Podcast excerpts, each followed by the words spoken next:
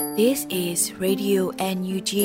the voice of National Unity Government of Myanmar, broadcasting for Myanmar Spring Revolution. Radio NUG is transmitting from shortwave 16 meter 17.79 megahertz at 8:30 a.m. and 25 meter 11.94 megahertz at 8:30 p.m. Myanmar Standard Time. မင်္ဂလာပါရှင်အမျိုးသားညီညွတ်ရေးအစိုးရရဲ့အတန်လွတ်ဌာနရေဒီယို NUG ကိုမန္တပိုင်း၈နိုင်ခွဲမှာလိုင်းတူ6မီတာ19.7ခွန်ကုန်းမဂါဟတ်စ်နဲ့ညပိုင်း၈နိုင်ခွဲမှာလိုင်းတူ25မီတာ17.6ကိုလီမဂါဟတ်စ်တို့မှာဓာတ်ရိုက်ဖမ်းယူနားဆင်နိုင်ပါပြီရှင်မင်္ဂလာအပေါင်းနဲ့ကြည့်ကြကြပါစို့အခုချိန်ကစပြီး Radio NUG စီစဉ်လေးကိုဓာတ်ရိုက်အတန်းနဲ့ပြင်နေပါပြီ မြန်မာနိုင်ငံသူနိုင်ငံသားအပေါင်းတဘာဝပြီးစစ်အာဏာရှင်ပြည်တို့ကနေကင်းဝေးပြီးကိုယ်စိတ်နှပြစမ်းမချမ်းသာလို့ဖေးကင်းလုံခြုံကြပါစေလို့ Radio Energy ဖွဲ့သူဖွဲ့သားတွေကဆုတောင်းမြတ်တာပို့သလိုက်ရပါတယ်ရှင်။အခုချိန်ကစပြီး Radio Energy ပြည်တွင်းသတင်းတွေကိုရေဦးမောင်ကဖတ်ကြားတင်ပြပေးတော့မှာဖြစ်ပါတယ်ရှင်။မင်္ဂလာပါရှင်ခုချိန်ကစပြီးတော့ပြည်တွင်းသတင်းများကိုတင်ဆက်ပေးသွားမှာပဲဖြစ်ပါတယ်။ကျွန်မကတော့ຫນွေဦးမောင်ပါ ရိုင်းနဲ့ချိနဲ့နေတဲ့စစ်ကောင်စီကိုအပြီးတိုင်ဖြိုလဲချဖို့အကောင်းဆုံးအခြေအနေဖြစ်နေပြီလို့ပြည်ထောင်စုဝန်ကြီးချုပ်ပြောကြားတဲ့သတင်းကိုဥစွာတင်ဆက်ပေးကြပါမယ်။ရိုင်းနဲ့ချိနဲ့နေတဲ့စစ်ကောင်စီကိုအပြီးတိုင်ဖြိုလဲချဖို့အကောင်းဆုံးအခြေအနေဖြစ်နေပြီလို့ပြည်ထောင်စုဝန်ကြီးချုပ်မန်ဝင်းခိုင်တန်းကပြောကြားလိုက်ပါတယ်။ဇူလိုင်19ရက်ကျင်းပတဲ့ပြည်သူလူထုနဲ့ Energy တွေ့ဆုံပွဲ Global Virtual Meeting မှာပြည်ထောင်စုဝန်ကြီးချုပ်မန်ဝင်းခိုင်တန်းကပြောခဲ့တာပါ။ ရိုင်းနဲ့ချိနေနေတဲ့စစ်ကောင်စီကိုပြီးတိုင်းဖြိုလဲချဖို့ခုချိန်ဟာအကောင်းဆုံးအခြေအနေဖြစ်နေပြီပဲဖြစ်ပါတယ်ကျွန်တော်တို့အမြဲတမ်းပြောသလိုဒီတော်လိုင်းဟာကျွန်တော်တို့မြန်မာနိုင်ငံသမိုင်းမှာမတူညီကွဲပြားမှုတွေရှိနေတဲ့လူမျိုးပေါင်းစုံဘာသာပေါင်းစုံနေရာဒေသအသီးသီးကပြည်သူလူထုတွေစူးစီးမိတဲ့ထူးထူးခြားခြားတော်လှန်ရေးကြီးတရက်ဖြစ်ပါတယ်ခေတ်ဆက်ဆက်အာဏာရှင်တွေကိုဖြုတ်ချဖို့အမြင့်မပြတ်ခဲ့တာကိုဒီကနေ့ဒီလိုအခြေအနေတွေထပ်မံကြုံတွေ့နေရတာမှာဒီတစ်ခါတော့အမြင့်ပြတ်တော်လှန်ကြပြီး တာယာညီညွတ်တဲ့ဖရယ်ပြည်ထောင်စုကြီးကိုတည်ထောင်ကြရတော့မှာဖြစ်ပါတယ်လို့ဝန်ကြီးချုပ်ကဆိုပါတယ်။2021ခုနှစ်ဖေဖော်ဝါရီလရက်နေ့ကစတင်အာဏာသိမ်းခဲ့တဲ့ကျန်းဖတ်စစ်တပ်ဟာယနေ့အချိန်ထိပြည်သူကိုအုပ်ချုပ်မှုမပြနိုင်သေးပဲစစ်ရေးစီးပွားရေးလူမှုရေးမှာအထိနာကြဆုံးလျက်ရှိပါတယ်ရှင်။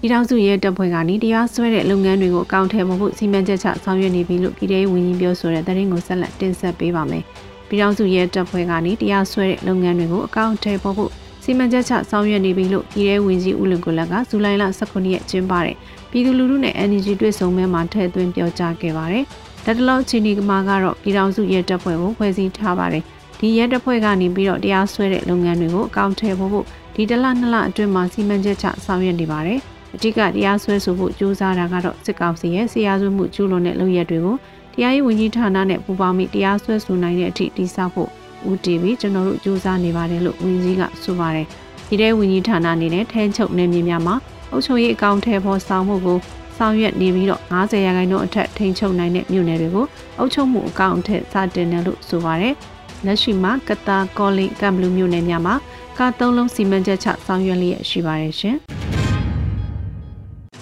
ဒေသအလိုက်တော်လိုင်းအင်အားစုများစုစည်းမှုနဲ့စီမံချက်များရေးဆွဲရမယ်လို့ကာဝေးဝင်ကြီးအသိပေးပြောကြားတဲ့သတင်းကိုလည်းဆက်လက်တင်ဆက်ပေးကြပါမယ်။ဒေသအလိုက်တော်လိုင်းအင်အားစုများစုစည်းမှုနဲ့စီမံချက်များရေးဆွဲရမယ်လို့ကာကွယ်ဝင်ကြီးဦးရင်မွန်ကအသိပေးပြောပါတယ်။ဇူလိုင်19ရက်ကျင်းပတဲ့ပြည်သူလူထုနဲ့ Energy တွေ့ဆုံပွဲမှာကာကွယ်ဝင်ကြီးဦးရင်မွန်ကပြောကြားခဲ့ပါတယ်။လက်ရှိကျွန်တော်တို့ဦးစားပေးဆောင်ရွက်နေတာကဒေသအလိုက်ခရိုင်အလိုက်စူးစီးမှုတွေနဲ့ကုကဲမှု နောက်ပိုင်းအားလုံးပါဝင်တဲ့ယူဟာနဲ့စီမံချက်ဒီစီမံချက်ကိုအားလုံးပူးပေါင်းပြီးတော့မှလက်တွဲအကောင့်ထည့်ပေါ်မယ်ဒီနည်းလမ်းနဲ့အကြံဖတ်စစ်ကောင်စီတက်ကျန်းဖတ်စစ်ကောင်စီစစ်ကြောင်းတွေကိုနောက်ဆုံးချေမှုန်းပစ်နိုင်ရေးအထိညီမှန်းပြီးဆောင်ရွက်နေတာဖြစ်ပါတယ်လက်ရှိမှာပြည်သူ့ကာကွယ်ရေးတရင်တပ်ဖွဲ့ပေါင်း150ခုရင်းကျော်နဲ့ပကဖ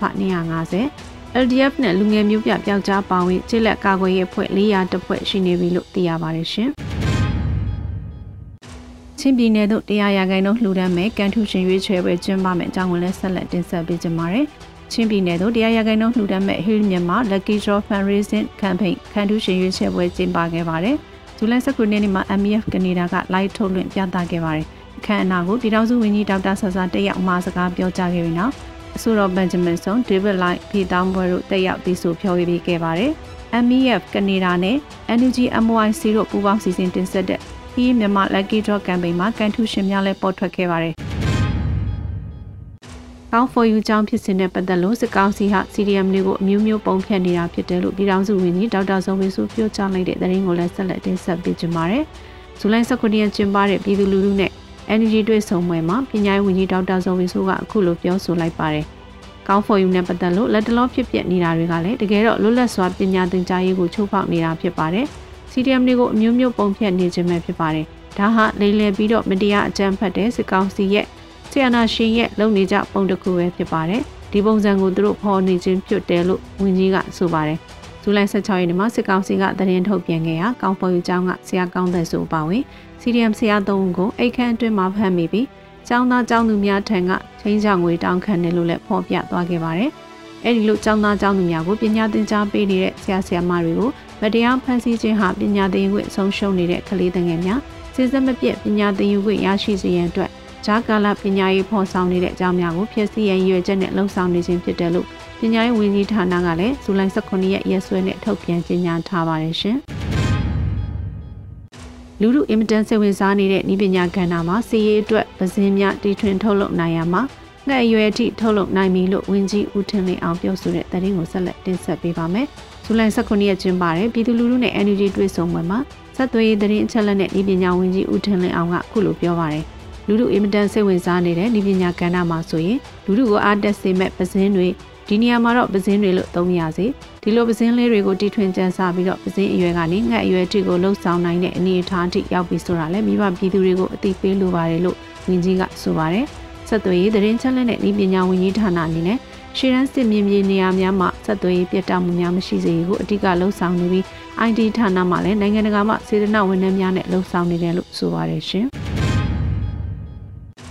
NUG အစိုးရစီမံဘဏ္ဍာဝန်ကြီးဌာနကကာကွယ်ရေးအသုံးစရိတ်95ရာခိုင်နှုန်းအသုံးပြုခွင့်ပေးတဲ့သတင်းကိုဆက်လက်တင်ဆက်ပေးပါမယ်။ NUG အစိုးရစီမံဘဏ္ဍာဝန်ကြီးဌာနကတော်လိုင်းရန်မုံငွေရရှာဖွေရရှိမှု48တန်းဝန်းကျင်ရှိပြီးဗန္နာရေးကော်မရှင်ဆုံးဖြတ်ချက်နဲ့ကာကွယ်ရေးအသုံးစရိတ်95ရာခိုင်နှုန်းအသုံးပြုခွင့်ပေးခဲ့ပါတယ်။ ဇူလိုင်18ရက်ကျင်းပတဲ့ပြည်သူလူထုနဲ့ NGO တွေ့ဆုံပွဲမှာစီမံကိန်းဗန္နာရေးနဲ့ယင်းနှိမ့်နှံမှုဝန်ကြီးဌာနဒူဝင်ကြီးဦးမင်းစရာဦးကဆိုပါတယ်။ကျွန်တော်တို့ရဲ့ရောင်းချငွေစုစုပေါင်းဟာခုချိန်မှာဆိုရင် American Dollar 48တန်းဝန်းကျင်ရရှိထားပြီဖြစ်ပါတယ်။ဒီဟာကိုသုံးစွဲတဲ့နေရာမှာမြို့သားညီညွတ်ရေးအစိုးရဗန်နာရေးကော်မရှင်ဆုံးဖြတ်ချက်နဲ့ကာကွယ်ရေးမှာ95ရာခိုင်နှုန်းအသုံးပြုပြီးတော့ကျန်တဲ့9ရာခိုင်နှုန်းကိုအုပ်ချုပ်ရေးဖော်ဆောင်တဲ့ဟာနဲ့ပြည်သူရင်ဝင်ခုလုံလာတဲ့သူတွေကိုကူညီဆောက်ရှောက်ရေး လူသားချင်းစာနာထောက်ထားမှုအသုံးစီဝန်ကြီးဌာနအသီးသီးရဲ့လက်ပတ်စီမှာသုံးပါတယ်လို့ဒူဝင်ကြီးကဆိုပါတယ်လက်ရှိမှာအထူးငွေတိုင်းစာချုပ်ပေါင်း9900ကျော်ရောင်းချပြီးဖြစ်က EOD ရဲ့ project ဖြစ်တဲ့14မြင်းဆောင်အင်အားလန်းနေအိမ်အစုရှယ်ယာမှာလည်း American Dollar 8တန်းကျော်ကိုရောင်းချရပြီးဖြစ်ပါတယ်ရှင်။မြောင်မြို့နယ်ကြောက်ရည်ကျေးရွာမှဆင်လာသောစစ်ကောင်စီတပ်စစ်ကြောင်းရန်တမ်းပစ်ခတ်၍မြို့သမီးလူငယ်တဦးတန်းနယ်ကြီးကြီးထိမှန်သိဆုံးတဲ့တရင်ကိုလည်းတင်ဆက်ပေးပါမယ်။ စကိုင်းတိုင်းမြောင်မြို့နယ်ကြောက်ရည်ကျေးရွာမှာဆင်လာတဲ့စစ်ကောင်စီတပ်စစ်ကြောင်းရန်တမ်းပစ်ခတ်တာကြောင့်ဆယ်ရွာကျေးရွာမှာမြို့သမီးလူငယ်တဦးလက်နက်ကြီးကြီးထိမှန်သိဆုံးခဲ့ပါတယ်။ဇူလိုင်19ရက်နေ့နက်ပိုင်းမှာစစ်ကောင်စီတပ်ရဲ့စစ်ကြောင်းအွေကိုမြောင်ပြည်သူ့ကာကွယ်ရေးအဖွဲ့နဲ့တရင်ပြန်ကြားရေးအဖွဲ့ကဆိုပါတယ်။ကြောက်ရည်ကျေးရွာမှာဆင်လာသောစစ်ကောင်စီတပ်စစ်ကြောင်းလက်နက်ကြီးများနဲ့ရန်တပ်ပစ်ခတ်မှုကြောင့်ဆယ်ရွာကြီးရွာပေါ်သို့လက်နက်ကြီးကျပြီးအသက်20ဝန်းကျင်မိန်းကလေးတယောက်လက်နက်ကြီးထိကသေဆုံးသွားခဲ့ပါတယ်လို့ဆိုပါတယ်။အခြားမျိုးသမီးတယောက်မှမစိုးရိမ်ရဒဏ်ရာရရှိပြီး စစ်ကြောင်းမှ60မမများနဲ့ရွာကိုပစ်ခတ်နေကြောင်းဆိုပါတယ်ရှင်။လူစုမြို့နယ်ဒေါ်လောခုကြီးရွာအတွင်းတွင်စစ်ကောင်စီတပ်ဖွဲ့နဲ့ KNDF ပူးပေါင်းဖွဲ့များပစ်ခတ်ရာတအုံသေးဆုံးတဲ့တရင်ကိုဆက်လက်တင်ဆက်ပေးပါမယ်။ဖရူဆိုမြို့နယ်ဒေါ်လောခုကြီးရွာအတွင်းသို့ဝင်ရောက်ပြီးအိမ်မွေးတိစံတဲ့ပစ္စည်းများဝင်ရောက်ခိုးယူနေတဲ့စစ်ကောင်စီတပ်ဖွဲ့ကို KNDF နဲ့ပူးပေါင်းဖွဲ့များကပစ်ခတ်ရမှာတအုပ်သေးဆုံးခဲ့ပါတယ်။ဇူလိုင်18ရက်နေ့မှာစီးရဲတဲ့တင်ကို KNDF တရင်ကဆိုပါတယ်။ ဇူလိုင်16ရက်နေ့အဖရူဆိုမြို့နယ်ဒေါ်လောက်ကူကျေးရွာတွင်သို့ဝင်ရောက်၍နေများတဲ့ရှိပစ္စည်းသုံးဆောင်များနဲ့အိမ်မွေးတိစံများအားခိုးယူနေတဲ့ကျန်းဖတ်စစ်ကောင်စီတပ်ဖွဲ့များအား KND တပ်မတော် KA နဲ့ KND အမျိုးသားများကာကွယ်ရေးတပ် KNDF တို့မှတိုက်ခိုက်ခဲ့ပါတယ်လို့ဆိုပါတယ်။ဒေါ်လောက်ကူကျေးရွာတွင်သို့ဝင်ရောက်စီးနေ၍ရွာတွင်မှုန်နှောင်နေသောကျန်းဖတ်စစ်ကောင်စီတပ်မှ66အဖွဲ့များအားမနက်7:00နာရီခွဲအချိန်မှာ KNDF B15 နဲ့ KA တို့ပူးပေါင်းပြီးဝင်ရောက်တိုက်ခိုက်ခဲ့ရာ 7မိနစ်နီးပါးအကြာထိတွေ့မှုဖြစ်ပွားခဲ့ပြီးကျန်းဖတ်စစ်ကောင်စီဘက်မှတအူသေဆုံးခဲ့ပါတယ်။ထိတွေ့မှုပြီးမိမိတို့ပူးပေါင်းတပ်၏ချင်းမုံချင်းကိုခံရ၍သေဆုံးသွားသောဂျမ်ဖတ်စစ်ကောင်စီတပ်သားကိုင်းဆောင်ခဲ့သော MA1 အမျိုးအစားတပ်နက်တလက်နဲ့ခဲရန်အချို့ကပါတင်ဆက်ရမိခဲ့တယ်လို့သိရပါတယ်ရှင်။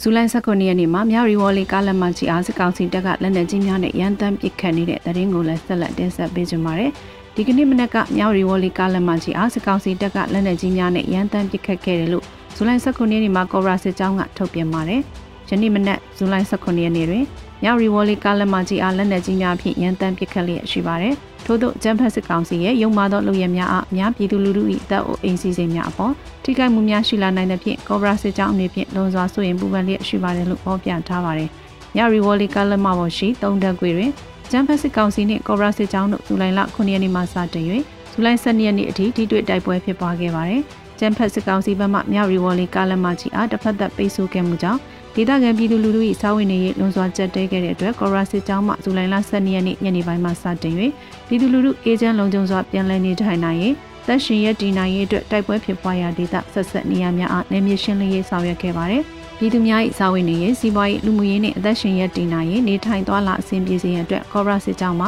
မြရီဝေါ်လီကာလမာလတီတရှောက်ဂျမ်ဖတ်စစ်ကောင်စီမှပိတ်ဆို့ထားသောတားဆီးများပျက်စီးများအားဖယ်ရှားရှင်းလင်းခဲ့ပြီးဇူလိုင်16ရက်နေ့ညနေပိုင်းမှာလမ်းမကြီးအားပြန်လည်ဖွင့်လှစ်ပေးခဲ့ပါတယ်။ထို့သောကော်ရစစ်ကြောင်းမှပြည်သူလူထု၏လူမှုစီးပွားအတွက်ဆောင်ရွက်ပေးမှုပေါ်ခွင်ကောင်းယူကကျန်းဖက်စစ်ကောင်စီသည်ယုံမှပတ်ဆက်သောအကြံနဲ့ပြည်သူလူထုအေဂျင့်လုံခြုံစွာတွာလာနိုင်ခြင်းမရှိသည့်ဘောကော်ရစစ်ကြောင်းမှုအနေနဲ့များစွာစိတ်မကောင်းဖြစ်ရပါတယ်လို့ဆိုထားပါတယ်။ ကော်ရစစ်ကြောင်းမှုဘူရာဘောကအကြံဖက်စစ်ကောင်စီအနေနဲ့စစ်တိုက်ခြင်းရင်စစ်သားတွေပြီးပြီးတက်တိရှိရှိတိတ်ခါရှိရှိညနေချင်းဆိုင်တိုက်ပါလို့ကျန်းဖက်စစ်ကောင်စီတမများအသတင်းစကားပါလိုက်ပါတယ်လို့ဖော်ပြထားပါတယ်ရှင်။ခုတင်ပြပေးခဲ့တဲ့သတင်းတွေကိုတော့ Radio NUG သတင်းတောက်မင်းမင်းကပေးပို့ထားတာဖြစ်ပါတယ်ရှင်။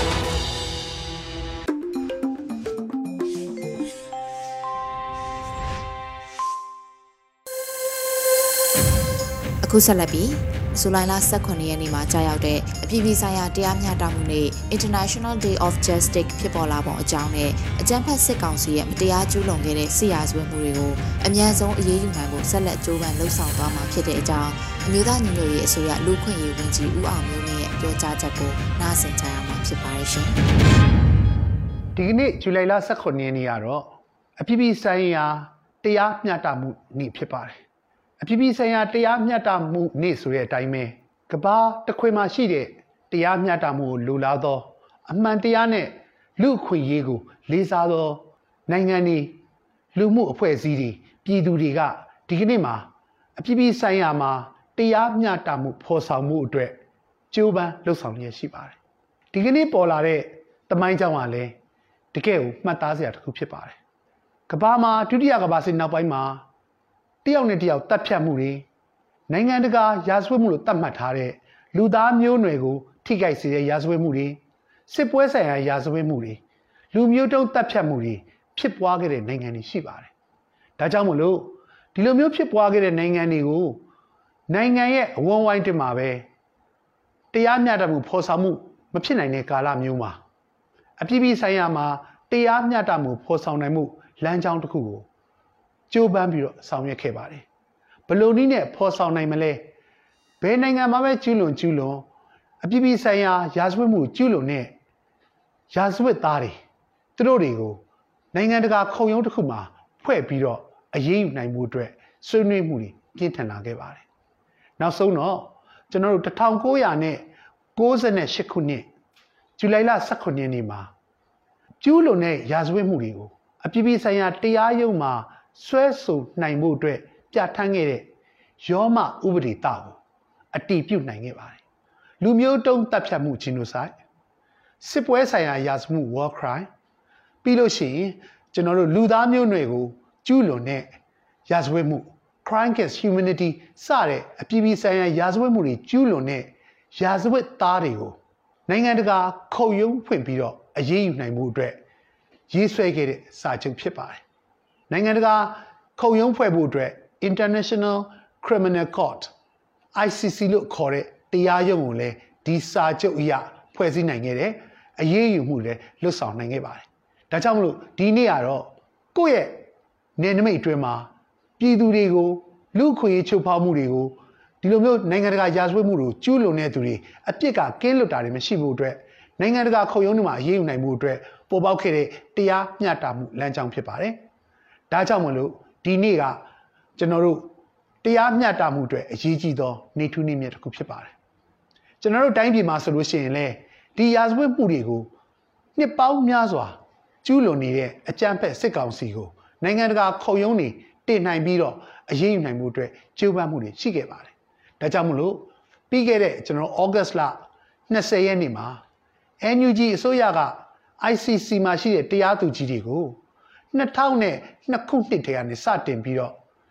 စစ်ကောင်စီဘက်ကကျူးလွန်ခဲ့တဲ့စစ်တပ်ကကျူးလွန်ခဲ့တဲ့ရာဇဝတ်မှုတွေပတ်သက်ပြီးတော့လာရောက်စုံစမ်းမှုရဲ့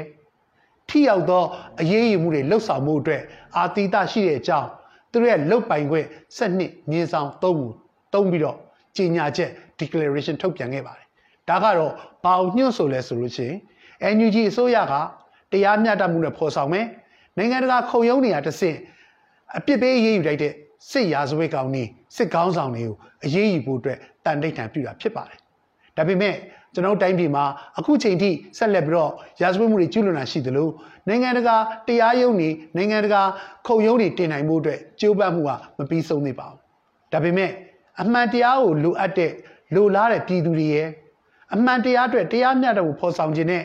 တာဝန်ရှိတဲ့အစိုးရနဲ့เนาะနိုင်ငံရေးတာဝန်ရှိသူတွေအားလုံးပူးပေါင်းပြီးတော့ တစ်ချိန်ချိန်မှာဒီရာဇဝတ်မှုတွေကျူးလွန်တဲ့သူတွေကိုတရားဥပဒေအရအရေးယူနိုင်ဖို့မတရားရာဇဝတ်မှုတွေကျူးလွန်ခံရတဲ့ပြည်သူတွေအတွက်အမှန်တရားကိုပေါ်ဆောင်နိုင်ဖို့အတွက်ဆက်လက်လှုပ်ဆောင်သွားမယ့်အကြောင်းကတိပေးရင်းနဲ့ International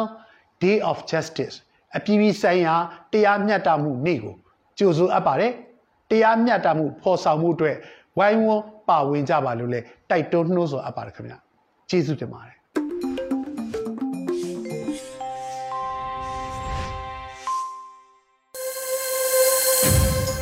ဆက်လက်ပြီး Radio NUG Interview ကဏ္ဍမှာမောင်ကျူးမင်းမြတ်တင်ဆက်ထားတဲ့ PDF စကားသံအပိုင်း15ကိုနားဆင်ကြရပါမယ်ရှင်။အမေနေကောင်းကြမအောင်နေပါ။သမီးအမြန်ဆုံးအောင်ပွဲနဲ့တူပြန်လာနိုင်အောင်ကြိုးစားနေပါတယ်အမေ။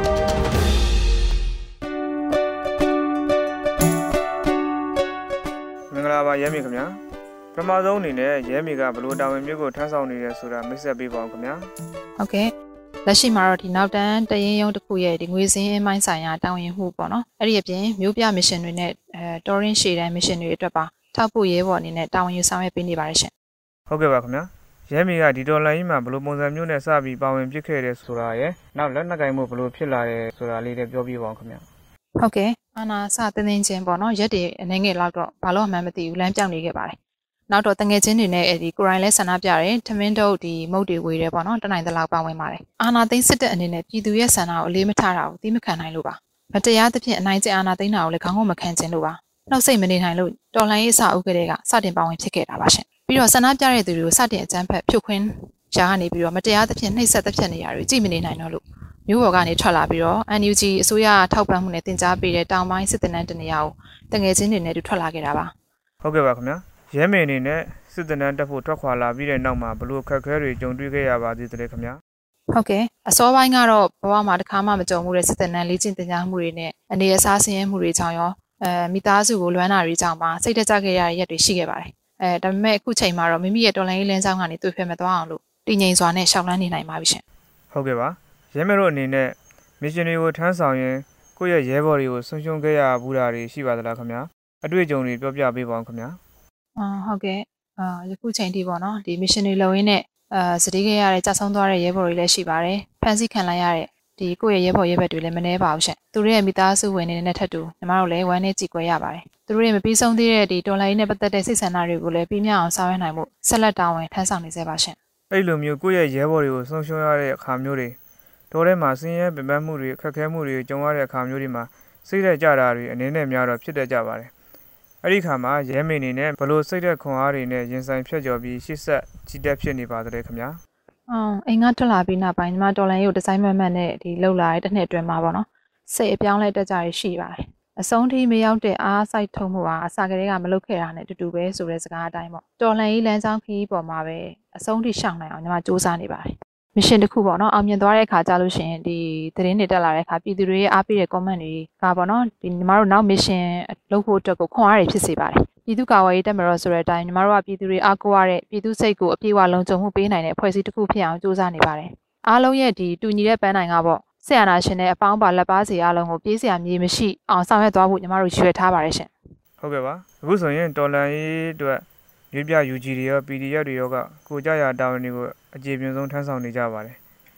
ဒီချိန်မှာ UG တွေအတွက်ကမြို့ပေါ်မှာလှုပ်ရှားရတဲ့အခါမှာပိုပြီးခက်ခဲတဲ့အနေအထားတွေရှိလာပါတယ်ဒီပေါ်မှာရောရဲမေအနေနဲ့ဘယ်လိုသဘောထားမျိုးရှိပါသလဲခင်ဗျာ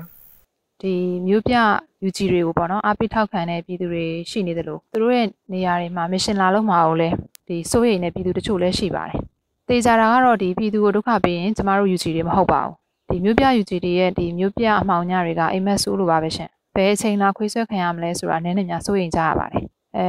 အဲ့ဒါကြောင့်မို့လို့ပြည်သူတွေအနေနဲ့တက်နိုင်တာတော့မိမိတို့ပတ်ဝန်းကျင်မှာရှိတဲ့ UG လူငယ်တွေကိုအဲရှုပ်ဝက်ထားပေးခြင်းပေါ့နော်သတင်းမပေးခြင်းနဲ့ကုညီထောက်ပံ့မှုတွေကိုတက်နိုင်သလောက်ပြုလုပ်ပေးစီလိုပါတယ်ရှင်ဟုတ်ကဲ့ပါအခုလက်ရှိမှာရဲမေတို့တပ်ဖွဲ့ရဲ့ရည်တည်နေရတဲ့အခြေအနေနဲ့ပတ်သက်ပြီးလည်းပြောပါအောင်ခင်ဗျာဘာလိုအပ်ချက်တွေများရှိကြပါသလဲခင်ဗျာ ဟုတ်ကဲ့ဟိုယခုလက်ရှိပေါ့နော်တပ်ဖွဲ့ရက်တီအတွက်ကတော့ဒီသက်ဆိုင်တဲ့စစ်တေသရုံးရဲ့လာစဉ်ကူညီထောက်ပံ့ပေးမှုရပါတယ်တော်လှန်ရေးစိတ်တဲ့ပြင်းထန်တဲ့ပြည်သူတို့ချို့ရဲ့လှူဒန်းထောက်ပံ့မှုအနေနဲ့များလဲရပါတယ်ရှင်အဓိကလိုအပ်ချက်ကတော့ညီမတို့လက်နက်ခဲယမ်းကြီးဖြစ်ပါတယ်ပြည်သူတွေအနေနဲ့အခုထပ်ပို့ပြီးတော့ပံ့ပိုးကူညီနိုင်လေလေတော်လှန်ရေးကာလပိုတူလေးလေးဖြစ်သွားမှာပါရှင်ဟုတ်ကဲ့ပါဗျအခုဆိုရင်တော်လှန်ရေးကတစ်နှစ်ကျော်ကာလရှိသွားပါပြီဒီပေါ်မှာရောရဲမင်းအနေနဲ့ဗာများပြောချင်ပါသေးတယ်ခင်ဗျာ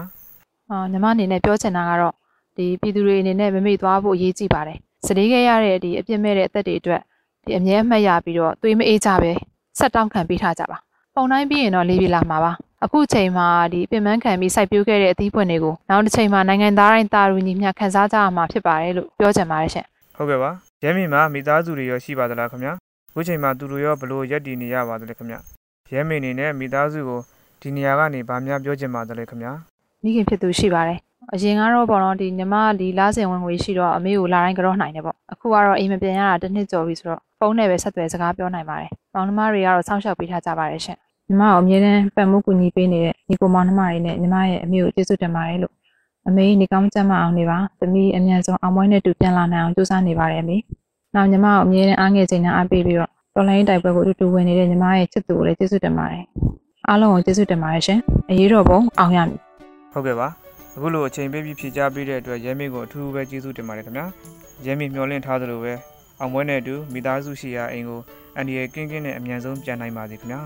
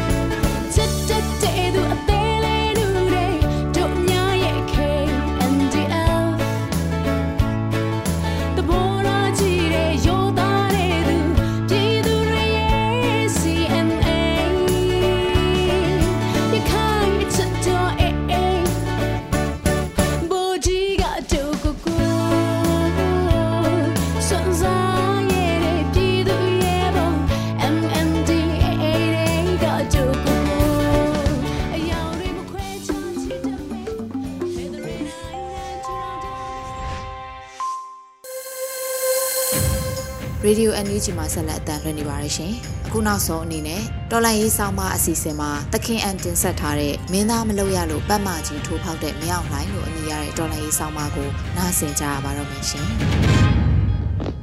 မင်းသားမလုပ်ရလို့ပတ်မကြီးထိုးဖောက်တဲ့မင်းအောင်လှိုင်လူဦးတော်လှန်ရေးအချိန်ကြာမြင့်လာတာနဲ့အမျှအကြမ်းဖက်စစ်အုပ်စုကြောင့်တိုင်းပြည်ကြီးဟာအလုံးစုံပြတ်သုံးသွားပါပြီ ယခုဆိုရင်ပညာရေးကျန်းမာရေးစီးပွားရေးလူမှုရေးဘာသာရေးနိုင်ငံရေးအစရှိတဲ့နယ်ပယ်အားလုံးဟာပြိုကျပျက်စီးသွားပါပြီအထူးကအကြောင်းရင်းကမဟာလာမင်းအောင်လှိုင်ဟာမတန်မယာနေရာထိုင်ကုန်ယူမှုတွေကနေစတင်သွားခဲ့ပါတယ်မြမတမိုင်ခစ်ဆက်ဆက်ကိုပြန်ကြည့်ပါ တိုင်းပြည်ကိုဖျက်ဆီးခဲ့တာလူငယ်တွေလားအာနာယူကြီးတွေလားဆိုတာတွေ့ကြရပါလိမ့်မယ်အာနာယူစစ်မိတ်စာကြီးတွေကြောင့်အပြစ်မဲ့တဲ့ပြည်သူတွေလူငယ်တွေနဲ့ကလေးတငယ်တွေဟာအကြောင်းမဲ့အသက်ပေါင်းများစွာပေးဆက်ခဲ့ကြရပြီတိုင်းပြည်ကိုဒီလူငယ်တွေကပဲနှစ်ပေါင်းများစွာအချိန်ယူ ပြန်လဲတိဆောက်ခဲ့ကြရတယ်လူငယ်တွေတိဆောက်ခဲ့တဲ့တိုင်းပြည်ကြီးတိုးတက်လာရင်အာနာယူကြီးတွေမျက်စိကျလာပြီတကြော့ပြန်တိုင်းပြည်ကိုဖျက်ဆီးကြပြန်တယ်လွတ်လပ်ရေးရပြီးတော့နှစ်ပေါင်း60ကျော်ရန်ရှင်လူပြည်သူတွေအသက်သွေးချွေးပေါင်းများစွာဖြင့်တိဆောက်လာခဲ့ကြတယ်မိမိတို့နိုင်ငံကြီးဟာဖွံ့ဖြိုးတိုးတက်မှု အောင်မြင်မှုလမ်းကြောင်းပေါ်ရောက်စချိန်2021ခုနှစ်ဖေဖော်ဝါရီလတရက်နေ့မှာတော့အာနာယုအကြံဖက်မင်းအောင်လှိုင်ကြောင့်အရာရာတဲရဲရည်တော့ဖြစ်သွားခဲ့ရပါတယ်ယခုဆိုရင်မဟာလာဟာလက်နဲ့အာကိုနဲ့ဘူကြအုပ်ချုပ်မင်းသားလုပ်ဖို့ကြိုးစားပေမဲ့ပြည်သူအလုံးကလက်မခံတာကြောင့် မင်းသားဖြစ်ချင်ခဲ့တဲ့မဟာလာဟာဖီလိန်ပြည်သူချင်ဘဘဝရောက်သွားပါပြီဖီလိန်ဇက်ရုပ်နဲ့မလုံရဲတာဘာမှမရှိဆိုတဲ့ဟိုဟာတော်လုံရဲလောက်တဲ့တစောက်ကမ်းမအားလာဟာသူ့အာနာသက်ဆိုးရှိရင်မထူးဆက်တွေဇက်တိုက်ခင်းနေပါပြီသူ့အာနာတက်တန်းကိုအောက်ခြေရဲဘော်တွေအသက်နဲ့ဆက်ထားတယ် သူ့မိသားစုအကျိုးစီးပွားကိုတိုင်းပြည်တစ်ခုလုံးအပျက်စီးခံလဲပစ်တယ်သူအာနာထိန်းနိုင်တဲ့အောင်လူစီအောင်လုပ်ပြဖို့အနာဂတ်ကလေးတွေရဲ့ပညာရေးနဲ့လဲပစ်တယ်ပြည်သူအချင်းချင်းပြန်တတ်ဖို့ပြူစောထီးတဲ့သွေးတောက်ကိုမွေးတယ်လက်လာပါမက်တဲ့ဘုန်းကြီးတွေ ဘာသာရေးကောင်းဆောင်တွေနဲ့ပေါင်းပြီးဘာသာရေးတွေကိုဖျက်ဆီးလိုက်တယ်မူလတရေမမှန်တဲ့အဖွဲ့တွေနဲ့ပေါင်းပြီးငြိမ်းချမ်းရေးကိုဖျက်ဆီးလိုက်တယ်အခုလာပြန်ပြီမာလာဟာအကဘာလုံးကတားမြစ်နေကြတဲ့နျူကလ িয়ার ကိစ္စကိုအစပြန်ဖော်ဖို့မော်စကိုခီးစင်မှာအတန်တွေကြားလာရတော့သူ့အာဏာအတွက်တိုင်းပြည်ကြီးတစ်ခုလုံး ပြကြပျက်စီးသွားလဲဝင်မလေးဘူးဆိုတဲ့မင်းအောင်လှိုင်ရဲ့ဘီလင်ရုပ်ဟာပိုပြီးထင်ရှားသွားပါပြီမင်းအောင်လှိုင်ဟာသူ့အာဏာမြဲဖို့ဆိုရင်မလို့ရဲတာဘာမှမရှိဘူးပြောထားတော့စိမ့်စိမ့်ဝါဝါပြပြမဟာလာအနာကစစ်ခွေးတတိုက်တဲ့မဟာလာဘောမစစ်ကြွတွေအခုလဲမင်းတို့အသက်နဲ့သူ့အာဏာကိုလဲနေကြတယ်ဆိုတာအထူးသတိထားကြပါ ဒါကြောင့်မင်းအောင်လိုက်ဟာသူမင်းသားမလုပ်ရရင်ပတ်မကြီးထိုးဖောက်မဲ့လူယုံမာကြီးဆိုတာဘယ်တော့မှမမေ့ကြပါနဲ့အရေးတော်ပုံအောင်နေပါပြီတခင်ဒီကနေ့ကတော့ဒီညနေပဲ Radio NUG ရဲ့အစီအစဉ်လေးကိုခေတ္တရ延လိုက်ပါမယ်ရှင်မြန်မာစံတော်ချိန်မနေ့၈နိုင်ခွဲနဲ့ည၈နိုင်ခွဲအချိန်တွေမှာပြောင်းလဲဆုံးဖြတ်ကြပါလို့ရှင် Radio NUG ကိုမနက်ပိုင်း၈နာရီခွဲမှာလိုင်းတူ16မီတာ19.7 MHz နဲ့ညပိုင်း၈နာရီခွဲမှာလိုင်းတူ25မီတာ17.6 MHz တို့မှာဓာတ်ရိုက်ဖမ်းယူနားဆင်နိုင်ပါပြီရှင်။မြန်မာနိုင်ငံသူနိုင်ငံသားများကိုစိတ်နှဖျားစမ်းမချမ်းသာလို့ဘေးကင်းလုံခြုံကြပါစေလို့ Radio NUG ရဲ့ဖွဲ့သူဖွဲ့သားများကဆုတောင်းလိုက်ရပါတယ်။ San Francisco Bay Area အခြေဆိုင်မြန်မာမိသားစုများနိုင်ငံတကာကစေတနာရှင်များလို့အားပေးကြတဲ့ Radio NUG ဖြစ်ပါတယ်ရှင်။အရေးတော်ပုံအောင်ရမည်။